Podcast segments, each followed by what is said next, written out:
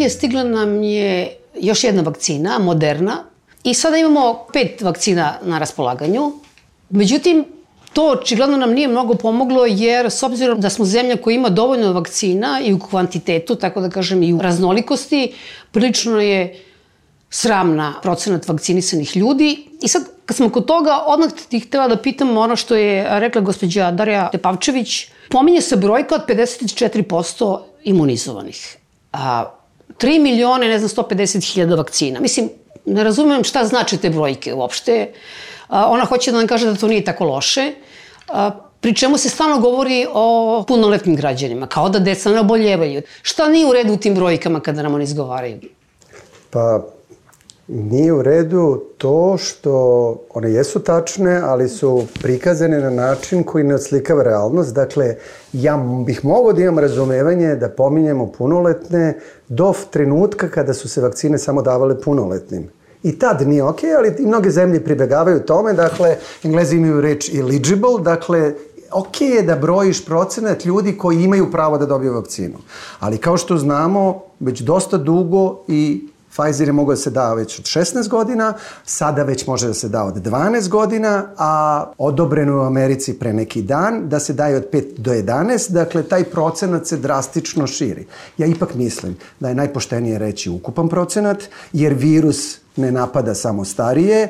Činjenica da za ovaj virus postoji neka percepcija u startu je bila da se malo slabije prenosi među decom. To je možda u startu i bila istina, sad je evidentno da su glavni generator pandemije, odnosno epi, lokalna epidemija u ovom trenutku deca i te kako se prenosi i dakle ja ne vidim ni jedan razlog da mi ne uzmemo u obzir ukupnu populaciju. Kada je to tako, mi idemo daleko ispod 50%, što je stvarno i po meni jedan sraman procenat, s obzirom da od januara imamo toliko dostupne vakcine. Zašto su nam važni uopšte ti procenti vakcinisanih? Važni su nam zbog razmišljanja o tome kada ćemo da postignemo neki kolektivni imunitet koji treba da nam donese koliko to, toliko normalne tokove života. Kako se rađaju nove varijante virusa, taj prag za postizanje kolektivnog imuniteta je sve viši i viši i sad se govori čak o 90% potrebnih imunizovanih, imunih osoba koje bi onda ovi, dovele do toga da se ovako široka transmisija prekine kada pričamo o tim procentima za kolektivni imunitet, oni se odnose na celokupnu populaciju. U tom smislu nije najsrećnije izražavati se na procenat e, populacije koja je punoletna, jer e, prosto virus ne poznaje tu granicu od 18 godina i e, ona je čisto administrativna, jeli ovako kada pričamo. E sad, kada pričamo o procentima koliko je kod nas imunizovano, zavisi šta uzmemo, koliko uopšte mi stanovnika imamo. Da, i to znači, neki podatak iz januara sa Zavoda za statistiku je 6 miliona 800 hiljada i nešto, ne znam sad baš e, brojku Kada se to tako računa, ja mislim da smo mi nešto ispod 45% vakcinisane populacije. E sad, kad su u pitanju deca, neki podatak iz septembra je bio oko 7700. To je iz septembra, znači to je podatak e, koje su kolege iz Batuta rekla to opet sad procenjujemo na kohortu dece, znači uzrast od 12 do 17 godina, znači ona deca koja su e, legitimna da se vakcinišu, znači starije od 12 godina u ovom trenutku je to tako, do 18 godina, pri čemu ne znamo ni egzaktnu cifru koliko je te dece. Pa je ta procena negde da je to oko 400.000, to je nešto ispod 2%. E, ako razmišljamo o e, tome koliko su e, druge zemlje dece vakcinisale, za Evropsku uniju i pridružene zemlje zajedno Evropska unija plus Britanija, to je 16,6%. To su već, pričamo o 13 e, miliona dece u Evropskoj uniji uzrasta 12 do 17 godina koje su vakcinisane bar jednom dozom. I neke zemlje daleko prelaze 50%, Izrael je prešao, Španija je prešla, Francuska je prešla, neki idu do 80% cele populacije od 12 do 18. To je populacija koja za sada može da dobije. Da budemo krajnje jasni, jedina vakcina koja je odobrena za davanje deci je RNK vakcina, to su do, novodošla Moderna, odnosno Pfizer. Kod nas samo Pfizer, ok, došla je juče Moderna, pa, ali još uvijek to nije odobreno, ali verujem da će biti brzo. Amerikanci još uvek imaju rezervu jer je primećeno, a i to treba da dotaknemo ako pričamo o vakcinaciji dece, o mi sad malo skačemo, ali mislim da je to važno, je primećena je pojava nekog miokarditisa i perikarditisa, zapaljenja srčanog mišića, da ljudi razumeju. I mislim da je važno da to pokrijemo, ali ja bih se sad samo osvrnuo postoje naznake da je to malo češće nego posle Moderne, nego posle Pfizer, iako su iste platforme, nisu potpuno iste vakcine. I to je razlog zašto je američki FDA još uvek to prolongira, ali pitanje je da li je to tako i to je razlog što smo mogli da pročitamo su skandinavske zemlje, a to su sve, pojavi se u medijima, pre jedno, dve, tri nedelje privremeno obustavile davanje modernine vakcine za mlađe. Ajde da, da probam nekim a, redom, makar meni u glavi takav je red, a to je prvo ova treća doza. Kad govorimo o trećoj dozi ili booster dozi, Koji je njen smisao? Prvo, ljudi kada imaju sumnju u odnosu na treću dozu, to je, stalno se govorilo samo dve doze, dve doze, otkud sad odjednom treća doza, jeli? I šta se preporučuje kao, kao treća doza? Da li da slušamo državu u ovom slučaju? Prvo da razjasnimo šta je treća, rekli ste booster. Prvo, to baš nije sinonim, objasnit ću suštinsku stvar. Treća doza je treća po redu. Primarna serija je prvih nekoliko koje date, a booster je neko koje date sa vremenskom distancom. Okay. Treća doza je trenutno preporučeno imunokompromitovanim ljudima, dakle ljudima sa oslabljenim imunitetom. To svako razume, ma šta bio razlog. Da li neka bolest ili terapija koju dobio i to nije mali procenat ljudi. Dakle, preporučeno je, oni sa dve doze ne mogu da dođu na taj nivo zaštite i vi im dajete treću da biste im još podigli zaštitu. Bila to antitela ili ništa. To je priča razumljiva. Obično se ta treća doza daje u nekom ciklusu, trenutno je preporuka posle druge za 28 dana. Okay? To je prva stvar. Druga stvar je booster doza. Dakle, to je doza sa vremenskom razlikom koji je cilj da probudi imunski odgovor koji je vremenom oslabio. Dakle, mi imamo imunokompetentne, šta to znači ljudi koji imaju normalan imunski odgovor, koji su s dve doze postigli određeni stepen zaštite, ali vremenom on opada i vi podsjetite imunski sistem na neki način, to je date tu dozu da ponovo pojačate.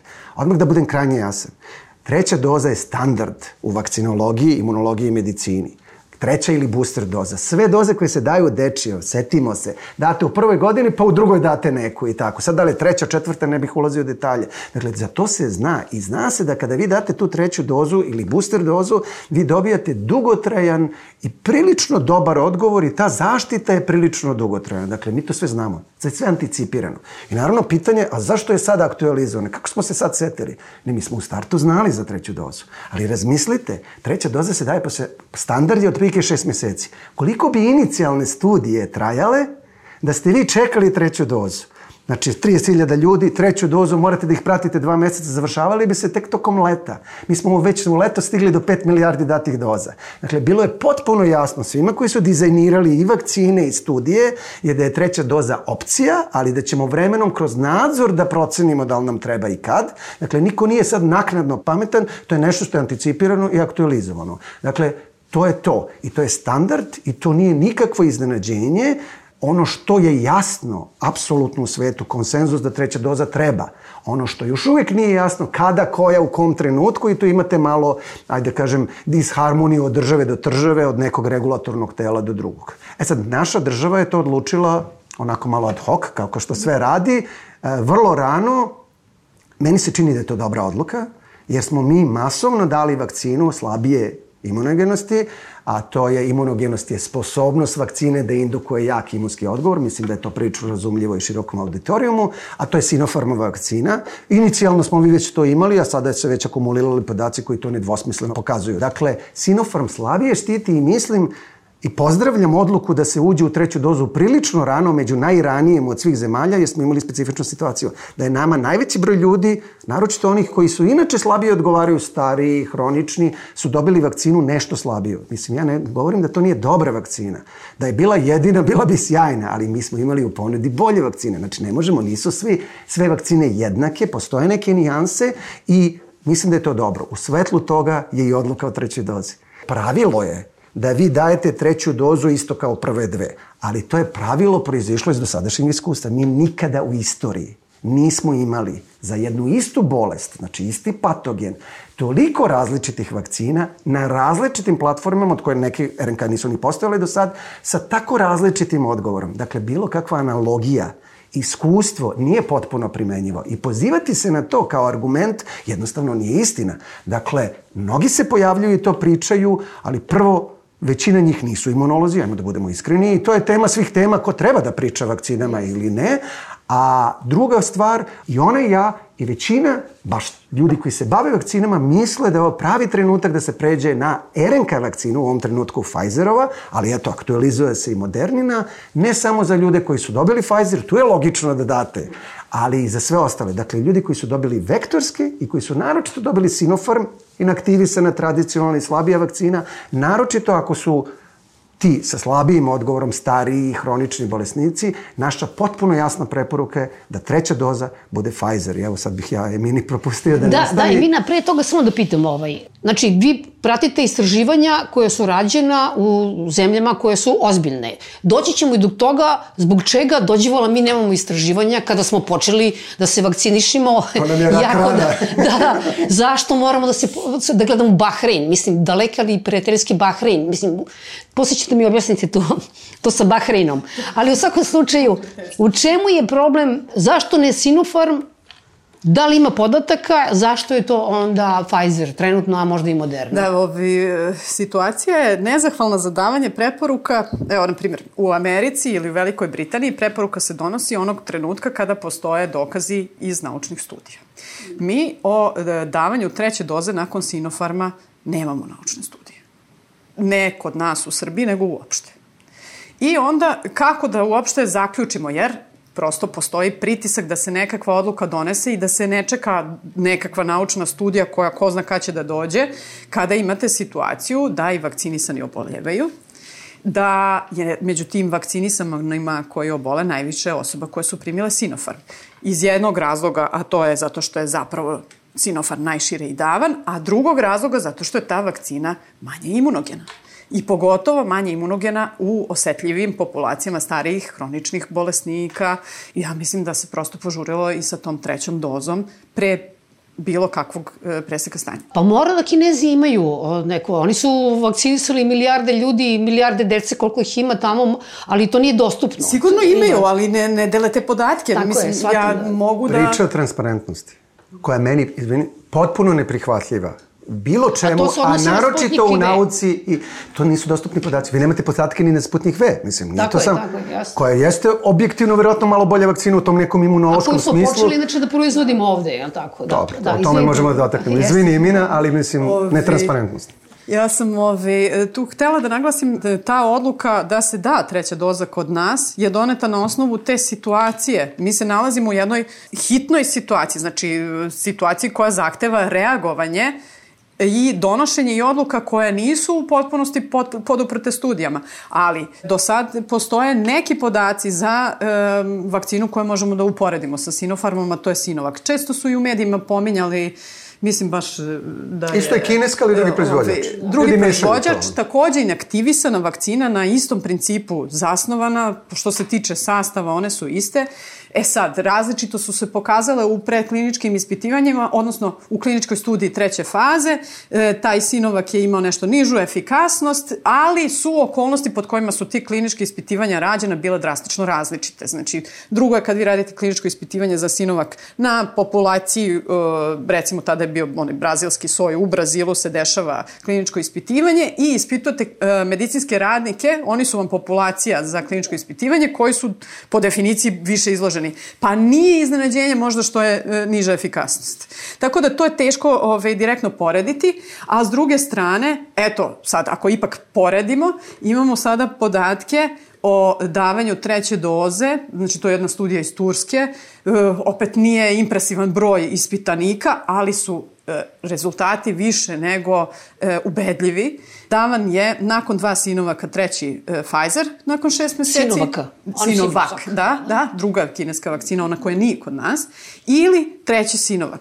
Imate e, mereno, merene su količine antitela i e, dobijene vrednosti antitela su hiljadu puta više. Treći Pfizer na dva Sinovaka u odnosu na treći Sinovak na dva Sinovaka. I ja prosto kao imunolog ne mogu da zamislim da je to nekako loše ili lošije nego da ostanete na istom. I to je prosto iz e, Čilea postoji studija u kojoj su pokazali da nakon šest meseci od dve doze sinovaka samo 35% ljudi ima detektabilne nivoje antitela i taj nivo se podiže, ali se podiže na onaj uporediv nivo koji je inicijalno postignut sa dve doze sinovaka. A nakon davanja Pfizerove vakcine, taj nivo je bio daleko iznad. I e, zašto vam sad to pominjem? Ja ove, imam prosto neke neformalne podatke, ne mogu da se svrstaju u naučnu studiju, ali su testovi koje su ljudi ovako za svoju dušu radili i um, postoji jedna Facebook grupa u kojoj su ljudi prikupljali te podatke, utvrdili da se radi o istom testu i sad tu postoji već akumuliran izvestan broj osoba koje su primile nakon dva Sinopharma treći Pfizer i upoređivali to sa trećim Pfizerom na, na dva Pfizera i to su sada uporedive vrednosti antitela. Ono što je suštinski važno jeste da mi dobijemo neku takvu studiju i kod nas, to jeste da se rezultati publikuju i da, ili da postanu na neki drugi način javni i o, na osnovu toga da donosimo odluku.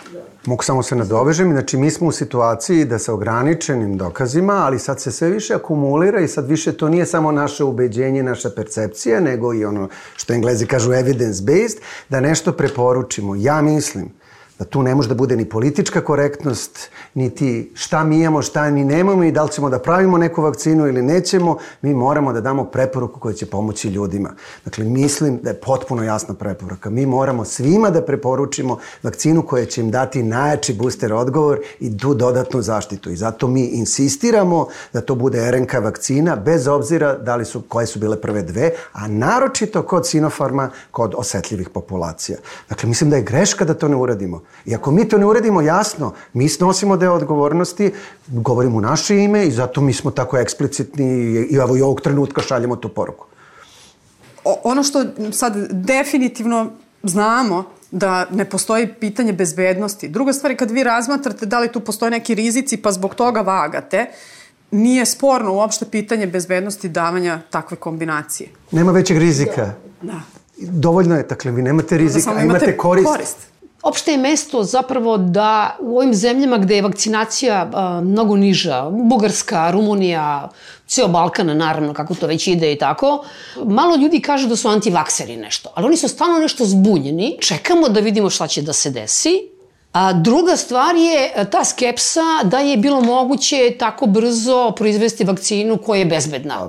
Da čekamo, baš nemamo vremena mnogo da čekamo, jer virus ne čeka, dakle moramo da delamo. I mislim, e, činjenica da smo mi dobili vakcinu, pa za manje od godinu dana, ako ćemo realno, ona je već u decembru, nekoliko vakcina su bile dostupne i, kako da vam kažem, to jeste nezabeleženo u istoriji. I sad da ne ulazimo preterano u detalje, prosek je, ajde da kažem, deseta godina, najbrže do sad vakcine, da ne bombardujem sad nekim starim istorijskim vakcinama, oni su u upotrebi je nekih 4 do 5 godina. Kako smo mi to dobili? Vrlo kratko nismo krenuli od nule. Desila se pandemija se, ako tako mogu da kažem, desila u pravom trenutku tehnološkom. Dakle, sazrele su nove tehnologije. U kom smislu sazrele? Da smo dovoljno napredovali da tehnički one mogu da budu efikasne. Dakle, i bilo je dovoljno eksperimentalnih vakcina i ljudi previđaju, ovaj virus jeste nov, ali sličnih virusa je bilo. Ne pričam sad o neka četiri koji kruže godinama i daju, već desetinama, koji daju kijevice, nego onaj čuveni SARS i MERS, koji su se pojavili, SARS je nestao, MERS je još uvek sporadično prisutan, oni su se pojavili, dali teške bolesti i krenula su istraživanja. I mi smo samo nastavili ta istraživanja. Ništa nije preskočeno. Ubrzano je, u kom smislu je ubrzano? Prvo, ubrzano je zato što je ostalo ogromno interesovanje za tim. Novac dakle, nije bio pitanje Novac je ključni, ali ja moram da budem, ja to uvek insistiram, novac je ubrzao priču, jer je relaksirao bilo kakvu e, bilo kakav pokušaj da vi urodite, bilo kakvu studiju, bilo šta, nemate rizik gubitka jer je noc, novac davan, ali novac nije snizio kriterijume. Niko tu nije popustio od kriterijuma, jedino, jedino što je u odnosu na regularno urađeno, a hajde malo da razmislimo o tome, je što je data ta, e, to se engleski zove emergency use authorization, znači pod uslovima svetske krize ste dali samo dok ona traje neku uslovnu dozvolu. A što je razlika? Moralo se čeka dve godine se završe studije da bi se to uradilo. A vi ste već imali preliminarne rezultate za bilo koju vakcinu koji su fantastični, inicijalno je Svetska zdravstvena, pa i sva regulatorna tela rekla 50% donja granica, mi smo bili 70+. Plus. Pazite, to je najbolji scenarij koji smo mogli da zamislimo. Nijedan imunolog to nije očekivao. Pojavile su se vakcine, studije su potpuno urađene kako treba, samo što su urađene brzo organizovano, brzo urađeno, velike sa ogromnim novcem i tako dalje. I vi imate da se deluju ko na ovom svetu je mogao u tom trenutku kaže ne, mi ćemo sad čekamo dve godine da se završi, Pazite, mi smo već dali 7 milijardi doza. I šta je problem bio? Jedan rizik je preuzet. Vi ste uradili najveće studije do sada. To su po desetine hiljada. To je vrlo veliki broj. Ali vi to ne možete da uhvatite redke. Neke koje se javljaju jedan u sto hiljada, jedan u milion. Neželjene reakcije. Mi smo sad dali stotine miliona. I sem nekih detalja koje ćemo pomenuti, ja sam pomenuo miokarditis, mi nemamo alarme. Dakle, mi sad mirno spavamo.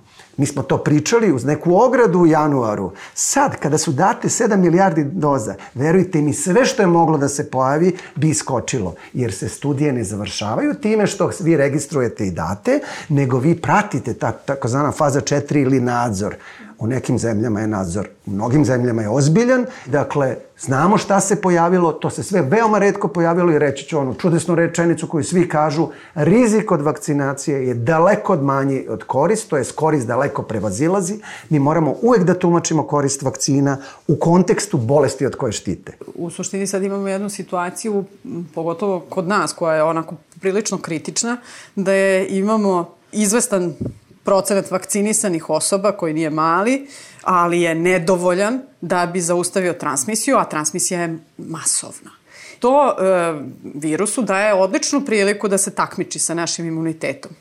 To jest da sad, evo možemo da napravimo neku paralelu sa recimo davanjem antibiotika, vi sad bakteriji nudite antibiotik i pružate joj šansu da ga ona pobedi, jeli, da razvije rezistenciju. E, sad ovo bi bila neka paralela, možda bi sad virusolozi se bunili na ovakvu paralelu, ali u ovakvoj situaciji visoka transmisija donosi e, šansu, jeli, da se iznedri nekakva varijanta virusa koja prevazilazi i taj e, vakcinalni imunitet.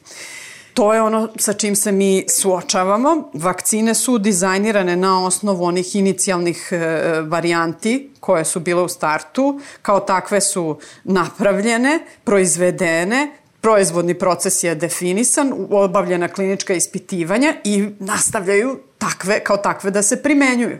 I sad, da bi se napravila varijanta, sad, ja ne znam šta je sve pravno legalno potrebno, ali vi onda morate faktički tu novu vakcinu uz varijantu da opet provedete klinička ispitivanja i da utvrdite, što bi sve odlagalo njenu primjenu. Zašto se nastavilo sa istim varijantama vakcina? Zato što se pokazalo, bar za ove koje su ovi, e, ispitivale, da jeste niža efikasnost u odnosu na taj e, inicijalni soj virusa, ali e, nije pala do te mere da su vakcine neupotrebljive taj procenat je pao sa, ne znam, preko 90% na 88% procenta neutralizacije virusa ili, sad zavisi kako koja vakcina, ali opet štite u značajnoj meri. I sad, e, ljudi se tu hvataju za nivoje antitela često, pa i mere antitela. Antitela po prirodi stvari, po prirodi funkcionisanja našeg imunskog odgovora padaju. Padaju odgovoru na bilo šta, pa i na ovaj virus. I te količine antitela padaju, ali ono što je manje pogođeno tim varijantama virusa je naš e, takozvani ćelijski imunitet. Ti de detalji promene virusa ne usujećuju imunski odgovor e, T limfocita u istoj meri kao odgovor B limfocita. Da, mogu se nadovežem, ljudi percipiraju imunitet kao sve ili ništa fenomen. Ili sam imun ili nisam imun. To je jedna veoma iznijansirana stvar. To su nijanse sivog. Dakle, ili ružičastog bi ja rekao, jer je to u suštini pozitivna stvar, odpornost. Dakle, e, vakcina ili prelažena infekcija možda vas štiti da se ponovo inficirate uopšte, da imate uopšte infekciju, vi možete se inficirati u nekim slučajima, ali nemate klinički manifestnu bolest, dakle ne razbolite se, nemate temperaturu, ništa, ili se razbolite, a imate blažu bolest. Cilj vakcinacije je prevashodno da spreči teške forme bolesti. I smrtne nepovoljne ishode, što ni samo smrt, ali komplikacije i tako dalje, i one to veoma uspešno rade. Dakle, sve vakcine, a opet pričamo o najtransparentnijim, to su vektorske vakcine na zapadu, vektorske vakcine i RNK vakcine, štite preko 90% od tih teških formi bolesti i u kontekstu ili visokih 80 u kontekstu ovaj, tog delta soja. Dakle, napravljene su vakcine i sa delta sojem. One su napravljene, znam, za Pfizer i Modernu sigurno. I možda su, odobrene su studije. Da li se one rade? Procenit će se. Mi imamo know-how, što bi se reklo, i imamo mogućnost da ih implementiramo. Kada će, da li će se to uraditi i kada? Ako se proceni da ove, a to se prati u nadzoru, da opadne efikasnost, odnosno ta efektivnost. Šta znači efektivnost? Efikasnost u realnom životu. Dakle, ne ono u studijama, nego vi pratite koliko oboljevaju. Dakle, vakcine i tekako štite. I moram da dodam, opet mit ili percepciju, bolje je da preležim bolest nego da se vakcinišem, ostavljam i bolji imunitet.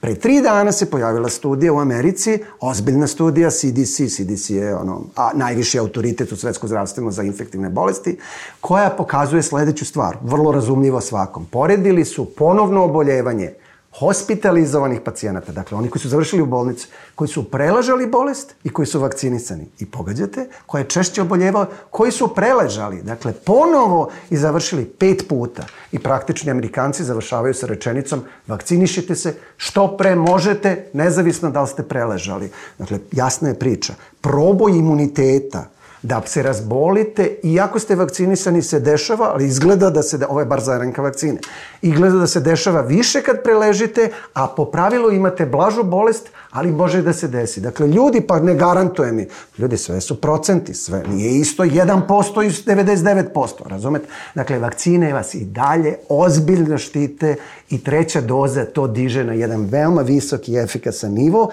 odlična studija iz Izraela koja je to nedvosmisleno pokazala. Opet smo na 90%, sad šta? Treća Pfizer u odnosu na dve Pfizer. Opet smo na priči o 90, hospitalizacija, smrt ili šta god. Tako da, jasna je priča. Dakle, pod jedan, oni koji se nisu vakcinisali, a ja verujem da vaš auditorijum se masovno vakcinisao, da se vakcinišu, a pod dva, ako niste dobili treću dozu, a ušli ste u taj, te vremenske okvire, ja bez razmišljanja savjetujem i to iskreno, direktno Pfizer. Moderna, kad smo u startu mi pričali i onako, nama je ona bila favorit.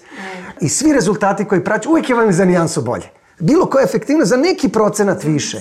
Dakle, za ljude koji su do sad čekali, dobijaju bingo, dobijaju možda najbolju vakcinu, ali je malo više reaktogen. Znači, malo veća šansa da ih boli, da dobiju temperaturu, ali ništa strašno. Dakle, mislim da Moderna kao kandidat i za prvu, za one koji su do sad čekali, a kao booster je vrlo jedan pametan izbor.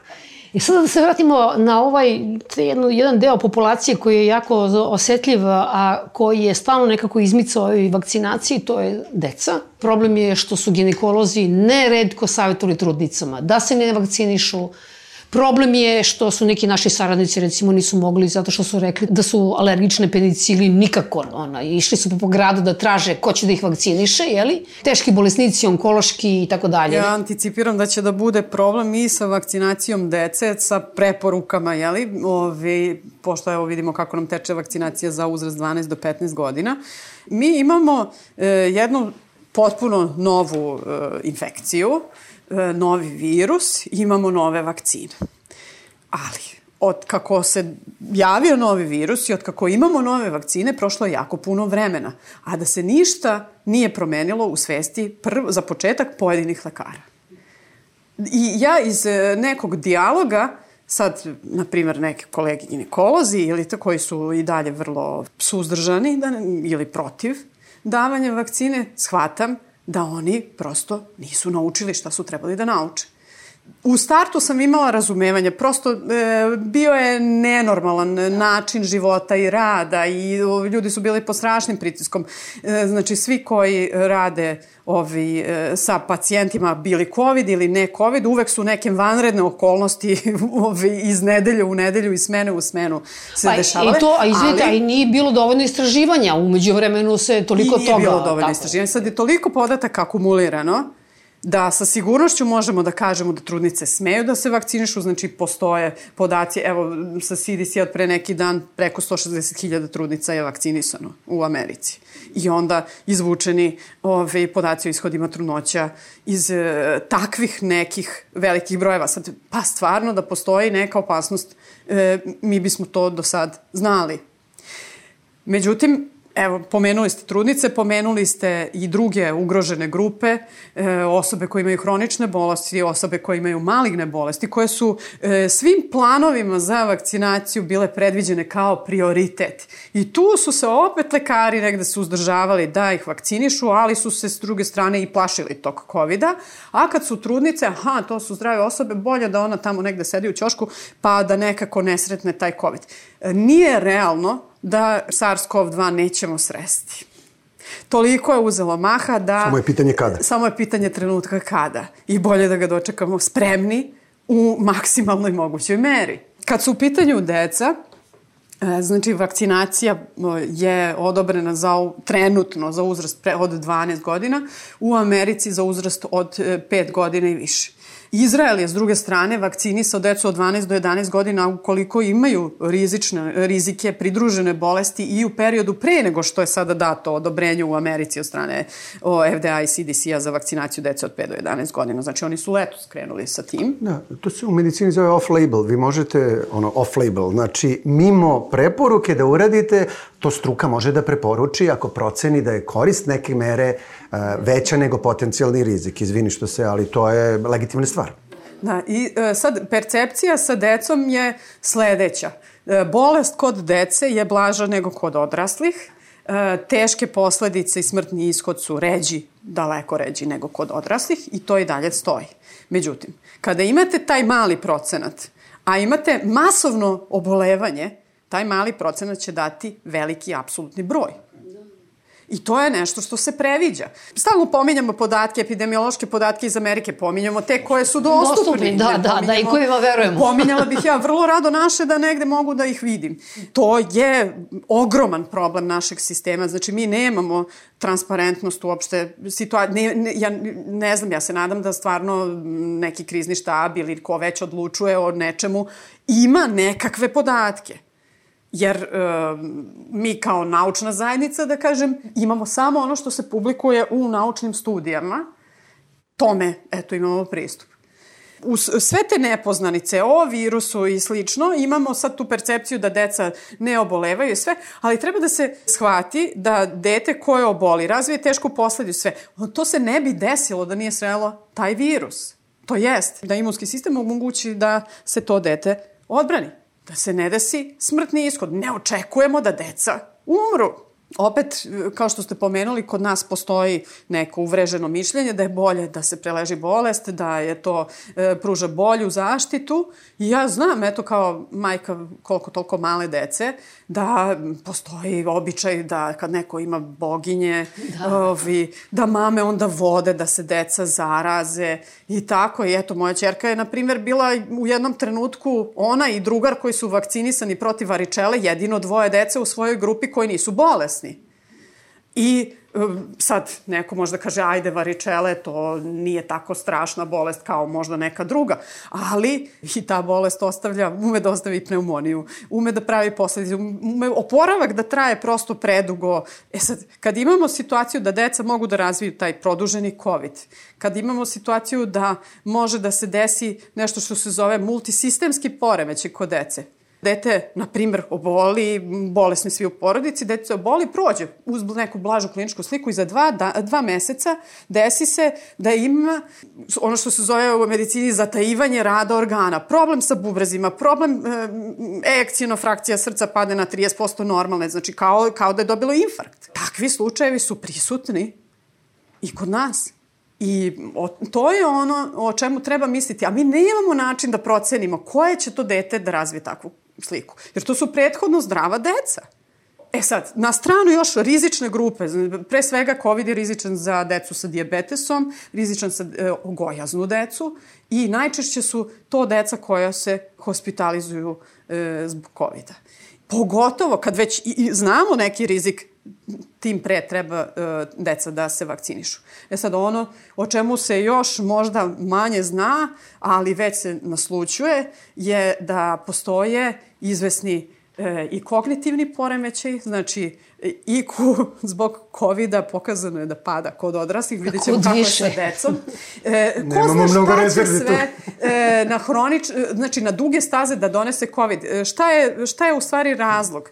Neki koji bi mogao to da objasni. E, ovaj virus ulazi u zidove naših krvnih sudova krvni sudovi su potrebni svakom delu našeg organizma, između ostalog i centralnom nervnom sistemu mozgu, da bismo ove, funkcionisali. I sve te, znači mikropromene, ti mikroinfarkti koji se prave, koji mogu da prođu potpuno subklinički, pitanje je šta će na duge staze da ostave divan tekst jednog doktora iz Novog Zelanda sam juče pročitao i ka, kaže poređenje vakcine. Da li je bolje da dobiješ malu lopticu koja ti uđe samo u ćeliju ovde lokalno, traje nekoliko dana i pokrene ti imunski odgovor koji te štiti ili virus koji ti ostane uđe ti u sve ćelije, ne samo nosne sluzokože, pluća i tako.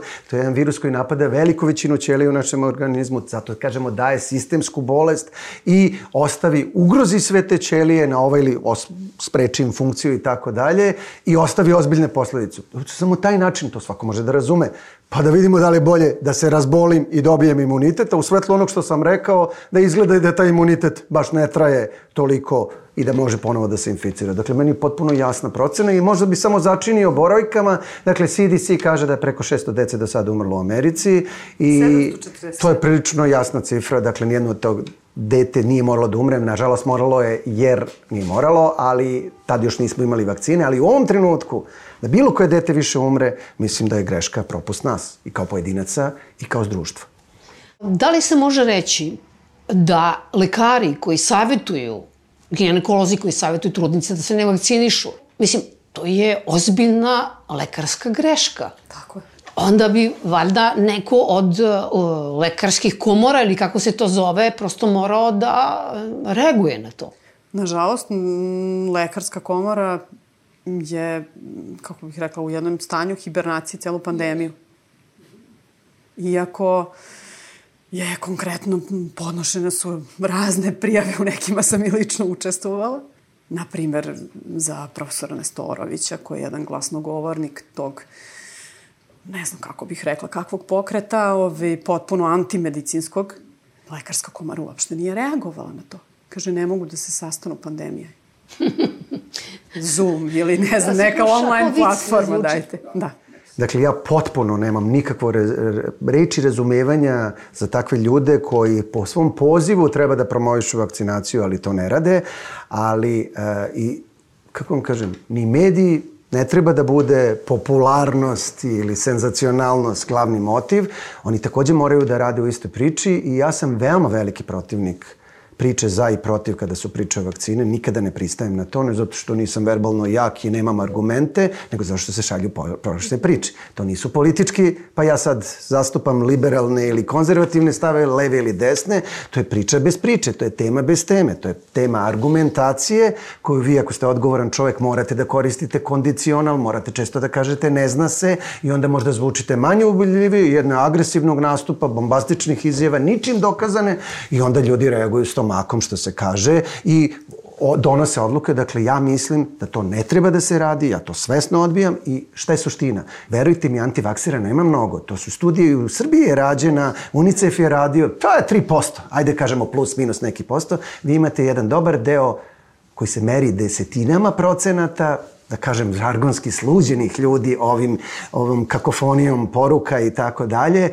koji u stvari nisu a priori protiv, ali su zbunjeni i ne znaju šta da rade i mislim da to treba naš cilj da bude i u tom smislu i mi sad ovde čini mi se pričamo da im damo potpuno jasne smernice, ne šta je politički korektno, ne šta je ni zlako nekome, nego šta su konkretne poruke. Dakle, bili smo potpuno jasni za treću dozu, bit ćemo jasni i za vakcinaciju dece. Dakle, vakcinišete bez ikakve brige, a ja sam vakcinisao svoju čerku od 12 godina, a ona jedva čeka da, da se odobri, pošto su joj deca mlađa od ovaj, 12 godina. Da, ja se da, tome da. nadam i nadam se prosto ovaj, ceo, ceo ovaj rad i neko medijsko pojavljivanje koje meni lično, ja sad moram da budem iskrena, uopšte ne prija i nije u, u, u mom duhu, uopšte nisam do te mere ekstro introvertna osoba, je sa ciljem da kad dođe trenutak da postoji dostupna vakcina, meni pedijatar ne kaže neću da vakcinišemo decu. I taj produženi COVID nešto što, e, to se ne odnosi samo na ljudi koji su imali težak oblik, je tako? Da, to, to, je, to se ovaj, dešava osobama koje su imale neku blažu formu. Teže u COVID-u češće su smrtni ishodi, na primjer, kod muškaraca u odnosu na žene. Long COVID čak možda i češće kod žena, ne znam kako sad stoje stvari, ja sad moram da bude malo da se, da se ograničim, pošto ne znam najnovije podatke u tom smislu, ali to je bilo inicijalno, da čak češće ide kod žena. Zašto je to tako, ne znamo. Ali simptomi mogu da traju mesecima da idu do te mere da osoba više ne može da radi svoj posao, da ne može da funkcioniše ili čak da ne budu tako drastični, ali da mora, na primjer, da promeni stil života. Recimo, primjer iz e, okruženja, osoba, mlada osoba, devojka od 25 godina, koja je preležala COVID, koja posle toga ima srčanu aritmiju i ne može da se bavi sportom. E, to je ogroman atak na stil e, života i na kvalitet života jedne mlade osobe. A to nije, nije sad da kažemo neka drastična klinička slika bila u pitanju da sad pričamo o nekim teškim komplikacijama, o trombozama i svemu onom e, lošem što može da dođe. Znači, blaža klinička forma i eto. Pa, samo da nemate miris mesecima. Da, I ukus. za početak. Dakle, to je jedna nejasna skup, preko 200 različitih simptoma koji uopšte nije redak i mi smo u jednom sastanku diskutovali, ja se plašim da će ove COVID bolnice postanu post-COVID bolnice. I da će zdravstveni sistem da bude zatrpan ljudima sa nekim post-COVIDom koji ćemo tek naučiti da prepoznajemo, diagnostikujemo, definišemo i nadam se lečimo, a budemo opet krajnje jasni, svega toga nema ako ste se vakcinisali. To vidim da ljudi masovno rade, ja, ja nisam to uradila, ali, a to je meranje antitela, to je obsesija, jeli? Koliko to ima svrhe, da li možemo da izvučemo neke pogrešne zaključke iz tih podataka kvantitativnih koje bismo da, dobili? Da, ljudi su prvo merili antitela da vide da li je vakcina uopšte radi. Dobro, i ajde, razumem tu inicijalnu radoznalost još tamo nekad kad su počele vakcine, pošto smo skeptični prema svemu. Društvo imunologa i čiji smo deo i sami smo jeli, učestvovali u takvim preporukama da se merenje antitela od strane pojedinca ne radi. E sad ću da obrazložim zašto. A zašto je opet to metoda koja se najčešće primenjuje kada hoćete da odredite kakva je imunogenost vakcina? Kada se procenjuje je li, imunitet koje vakcine postižu, mere se različita antitela. Prvo, virus ima različite svoje delove, antitela mogu da budu usmerena prema tim različitim virusnim proteinima. I onda treba da znate jeli, koje vas uopšte antitela zanimaju. Uh, ono što je pokazano da najviše ima uh, veze sa tim koliko smo zaštićeni su takozvana neutrališuća antitela. To su antitela koje mogu, kada ih imamo, da spreče virus da uđe u naše ćelije. Znači, antitela koja bismo mi imali nakon vakcinacije bi trebalo da spreče taj virus kada uđe. Te limfociti, kada je on već ušao, uspostavi infekciju i uzurpirao ćeliju, onda tu ćeliju eliminišu da bi sprečili infekciju dalje, daljih ćelija. To je ukratko imunologija ovi, i na nutshell, što bi rekli.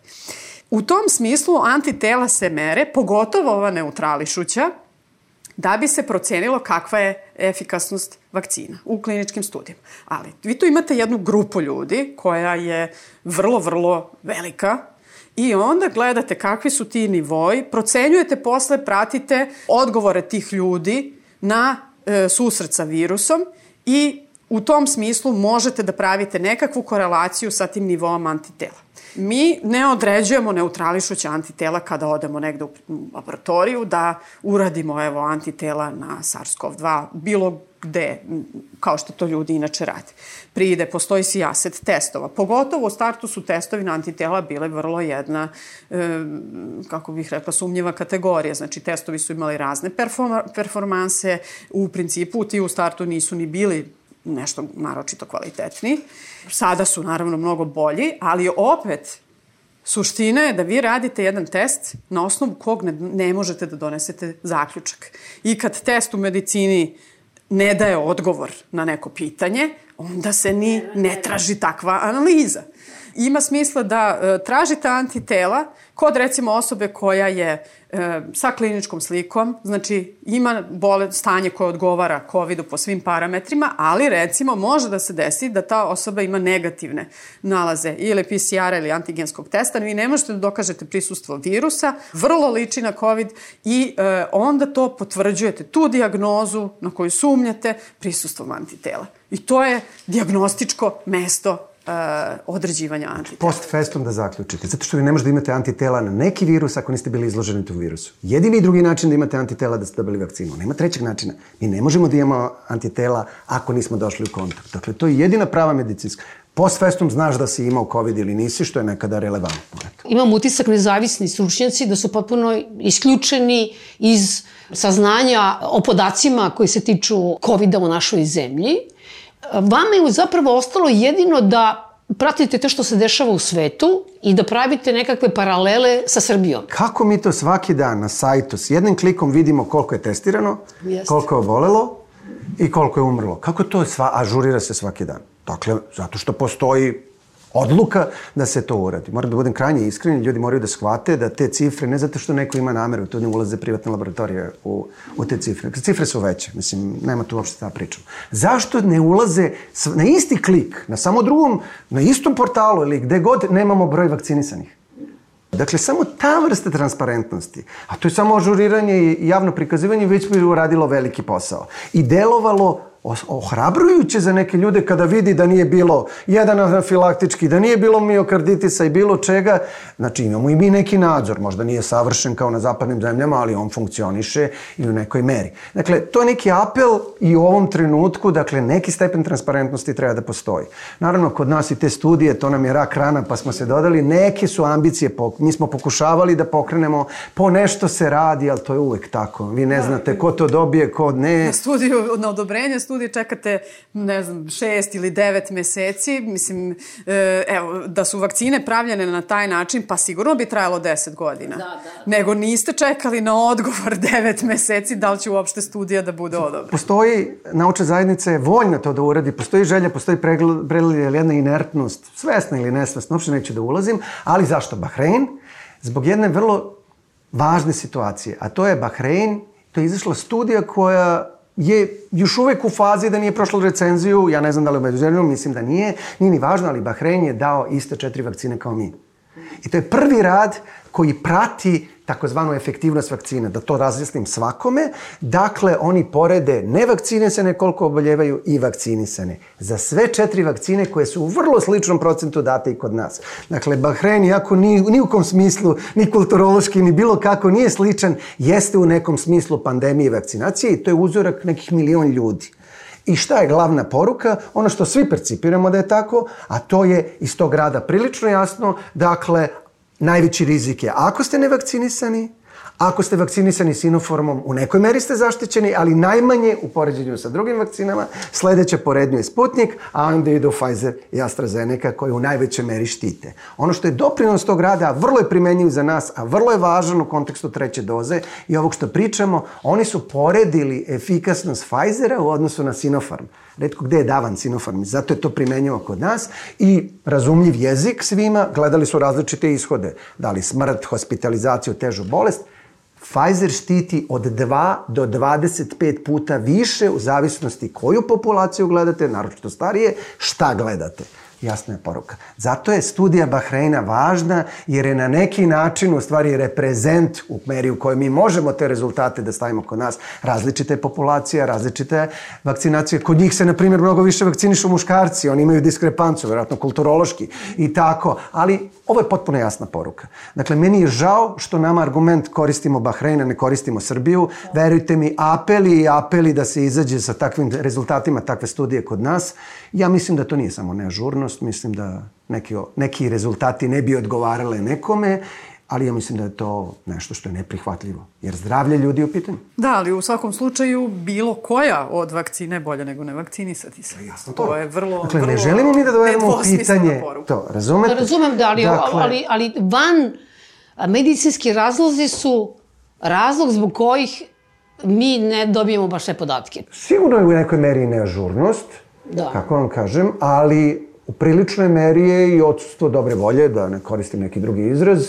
da se to anali... Pazite, to su veliki podaci, tu treba analiza i tako dalje. Ta analiza Mislim, nije trivialna ali i mi pravimo bum u IT sektoru, razumete, i pravimo fenomenalne igrice. Mi imamo ljude koji bi mogli da se zaposle da to urade, razumete, i nije baš, daju se tolke pare za sve i svašta. Ja mogu da prepoznam da bi mogu se zaposli neka ekipa mladih ljudi koja bi to ekstremno dobro ažurirala i radila. Dakle, mislim da su to sve izgovori, to treba, a to bi u stvari bilo verovatno jedna od najvažnijih afirmativnih stvari u smislu vakcinacije, jer kad bi se tako prikazali, poruke bi bile jasne. Bilo bi potpuno jasno da vakcine štite u priličnoj meri i tačno bi znali šta da radimo. I onda se ne bi bili u tom, toj sferi gde smo mi malo u nezahvalnoj poziciji, pa se pozivamo na Bahrein, treba da pričamo, a na primjer jedna englesko savjetodavno telo odlučuje na osnovu studija u Engleskoj ili Velikoj Britaniji.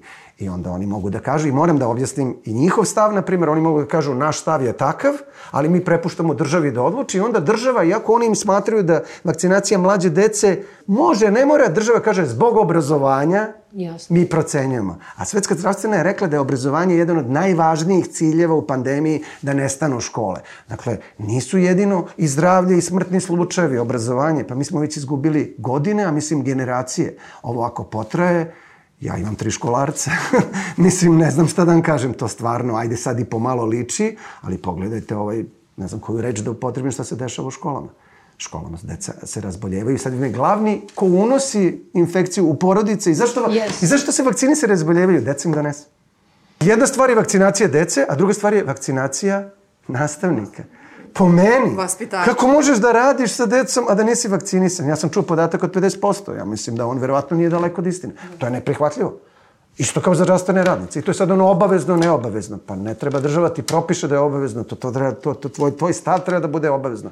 Jer prava lično mog izbora, to je sve u redu. A kod zaraznih bolesti, to je vrlo delikatno. Jer moje pravo ne sme da ugrozi tvoje pravo.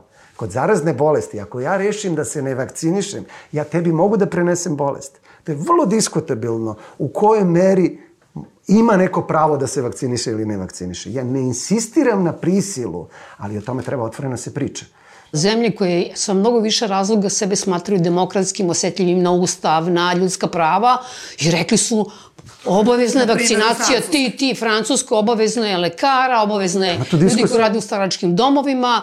A, to je toliko rašireno sada da je absurdno da mi dalje se pravimo kao da to niko nije uveo. Pa za određene... Pozivanje na ustav zbog toga ili zbog ovih propusnica, a krše se ustav svaki dan, mislim, o čemu pričamo? Mi smo imali slučaj u Nišu da su suspendovali lekare Ali kaže, neću da mi smanjuje platu i on otišao u administraciju i njemu je super, što nije u crvenoj zoni. Učinio si mu uslugu. Ali to je, kod nas je sve izvitoperano, neverovatno. Nije mi jasno saopštenje medicinskog fakulteta koji kaže da je naložio nekim katedrama da se izjasne o korišćenju ovog leka za krupnu stoku, kako se zove. Ivermektina? E, da, da. Je. Kako da vam kažem? Neki od profesora su u toj priči i mi imamo problem sa tim i onda ljudi kako vam kažem, znači, neko nastupa ispred škole i mislim, ljudi mogu da generališu i postoji potreba da se naozme naučni, jasan stav i to je u stvari osnovna pobuda. Ja konkretno znam taj izveštaj, imam ga ovde, možemo da ga pročitam, ali bit će u medijima, pa ne bih da ovaj, trošim. To je jedan potpuno naučan stav koji ne zatvara mogućnost lečenja vermektinom, ali kada? Kada studije to pokažu percepcija da ti imaš tajni lek koji je sjajan, ali iz nekih teorija zavera ga ne dajemo je potpuno besmislen. Priča o novcu je takođe potpuno besmislena. Jedini lek koji stvarno radi u COVID u smislu smanjenja smrtnosti je izuzetno jeftin kortikosteroid. Dakle, Ali kad je on uveden, kad je čuvena studija fenomenalno urađena Recovery Studies u Velikoj Britaniji urađena ili multicentrično pokazala to. Tako funkcioniše nauka. Mi moramo da razumemo nauku uvijek funkcioniše tako što vi dizajnirate studiju, imate ispitivanu grupu i imate kontrolu. Ispitujete nešto. I ako je to nešto češće ili ređe u ispitivanoj grupi, odnosno na kontrolu, a trudite se da, lepa srpska reč, mečujete kontrolu, da kad poklopite isti pol, isti uzrast, vi možete, uradite neku statistiku i vi kažete to deluje da je zakonitost, da je istina, to je jedino nauka. Dakle, kada se to pokaže za ivermectin ili bilo što drugo, ja sam siguran da će ga svi uvesti. Dok je to u ovoj sferi da mi kao lečimo ovoj je opasna stvar jer vi imate neželjene reakcije. Verujte mi, kod vakcina su najređe, kod lekova su mnogo češće, pa i za ivermektin pogotovo, tu je važna i doza koliko date. Stvari u tome da se ti neki inicijalni dokazi koji su postali iz nekih tih laboratorijskih modela delovanja ivermektina zahtevaju zapravo sto puta veće doze u odnosu na to šta je odobreno za primjenu u humanoj populaciji. To je antiparazitarni lek za koje se pokazalo, kaže se in vitro, znači u laboratorijskoj posudi, da deluje na određeni način i na virus i onda se protpuno nekritički pristupilo primjeni. Dobro, pratile su to studije, ali do sada saznanje je da on ne pomaže. Vrlo je jednostavno. I još jedna stvar je tu onako vrlo naklonjena lekovima, ljudi nekako vole tablete. E, da, da. Radije se hvataju za ne, nešto smatraju jeli, magičnim metkom i sve.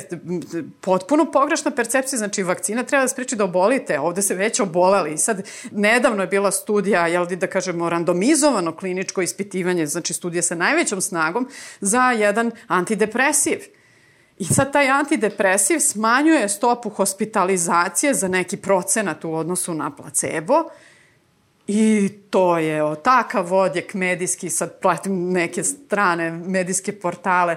Kako se to kaže? Zla, nektar, zlatni nektar koji će da reši pitanje ove teških formi COVID-a. Pri čemu, znači, taj neki procenat smanjenja hospitalizacije uopšte ne stavljaju kontekst toga šta da su te osobe vakcinisane imate smanjenje hospitalizacije od 80%. Znači, tih, to prosto se nekako lekovima pridaje nekakav veći impakt nego što imaju. Slažem se, treba razvijati i lekove, ali e, otići korak pre, uhvatiti trku sa virusom je vakcinisati se. Potpuno je jasno da je benefit, odnosno koris od vakcinacije drastično veći jer sprečava bolesti. Potpuno ta, ta ljudska percepcija gde on sklon da uzme 10 pilula, da uzme bilo šta. Kad uđete u apoteku, ako to nisu lekovi, one suplementi, to ništa nije. To, to jedino treba da dokažete da nije toksično. To da li radi, ne radi i tako dalje. Nekritično to da uzme, a naj, ja vam garantujem da su najproveravanije stvari koje možete da dobijete, a medicinsko je sredstvo vakcine. Zašto? Jer se daju zdravima, jer se daju deci. Čak i ove koje smo dotakli malo su ubrzane. Moram, zaborio sam da kažem, Pfizer više nije emergency use to je se kaže engleski fully approved, on ima potpuno dok... Šta to znači? Vreme je pokazalo. I šta je nauka važna? Znate šta je ključno u nauci? Reproducibilnost, ponavljanje.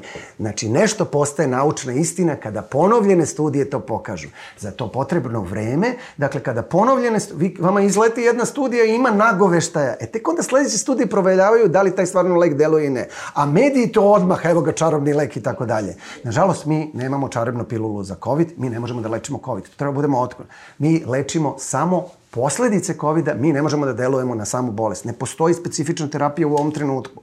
I to je suština, ali postoji sjajna specifična preventiva.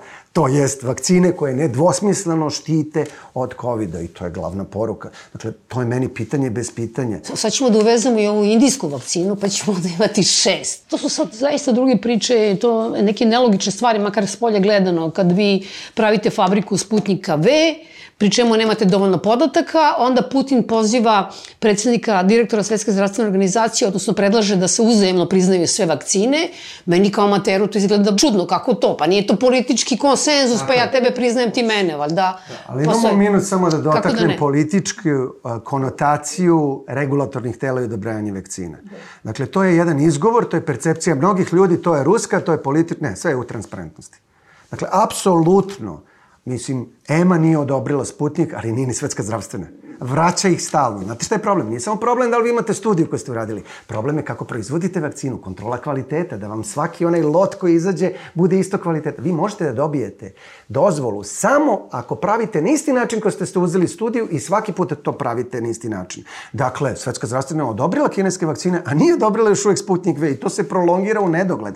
Ja očekujem da će biti. A evo zašto to nije politika. Dakle, Novavax vakcina, to je rekombinantna vakcina, slično kao hepatitis B. To je američka vakcina, još uvijek nije odobrena od strane Amerike. Zašto? Oni su prome, imaju problem s kontrolom kvaliteta. Dakle, američka vakcina, američko regulatorno telo, gde tu politika, ne odobrava zato što su oni izmenili malo u preparaciji, nemaju studije i tako dalje, a inače vakcina koja je bila viđena, pošto se malo kasno pojavila kao idealan booster, jer nije ni RNK, nije ni vektorska, nego potpuno jedna dobra, napredna, ali vakcina koju koristimo na platformi koju koristimo 20 godina i nema je. Šta ja hoću da kažem? Nemojmo davati političke konotacije i politički smisao regulatornim telima koje to potpuno rade na osnovu jasnih, naučnih, transparentnih podataka. Ja znam da su ljudi skloni teorijama zavere, ali to nema mesta. Dakle, ako i ovo što se dešavalo da u nekom trenutku povuku vakcinu privremeno zbog tromboza, zbog Pa zar to nije u stvari vrlo smirujuće? Tako je. To znači da nadzor radi, da ljudi odgovorno odmah povuku, sačekaju malo podatke i onda donesu odluku koja je uvek bila da se vrati. Tako je, tako je. Pa meni je to toliko pozitivna stvar. Ja bi bio presrećen da u ovoj zemlji postoji isto tako nadzor, ne samo vakcina, nego i zagađenosti vazduha ili čega god o čemu pričamo. Da neko prati da detaj sigurnost, da ako se ne reaguje ti si miran da to funkcioniše. Da to neko radi za tebe. Tako da ne moraš da li mi imamo taj osjećaj ovde? Da. Dakle, to su krajnje afirmativne stvari o vakcini i treba na taj način pričati ljudima. Hvala vam još jednom mnogo na razgovoru. Hvala vama. Hvala, bilo nam je zadovoljstvo.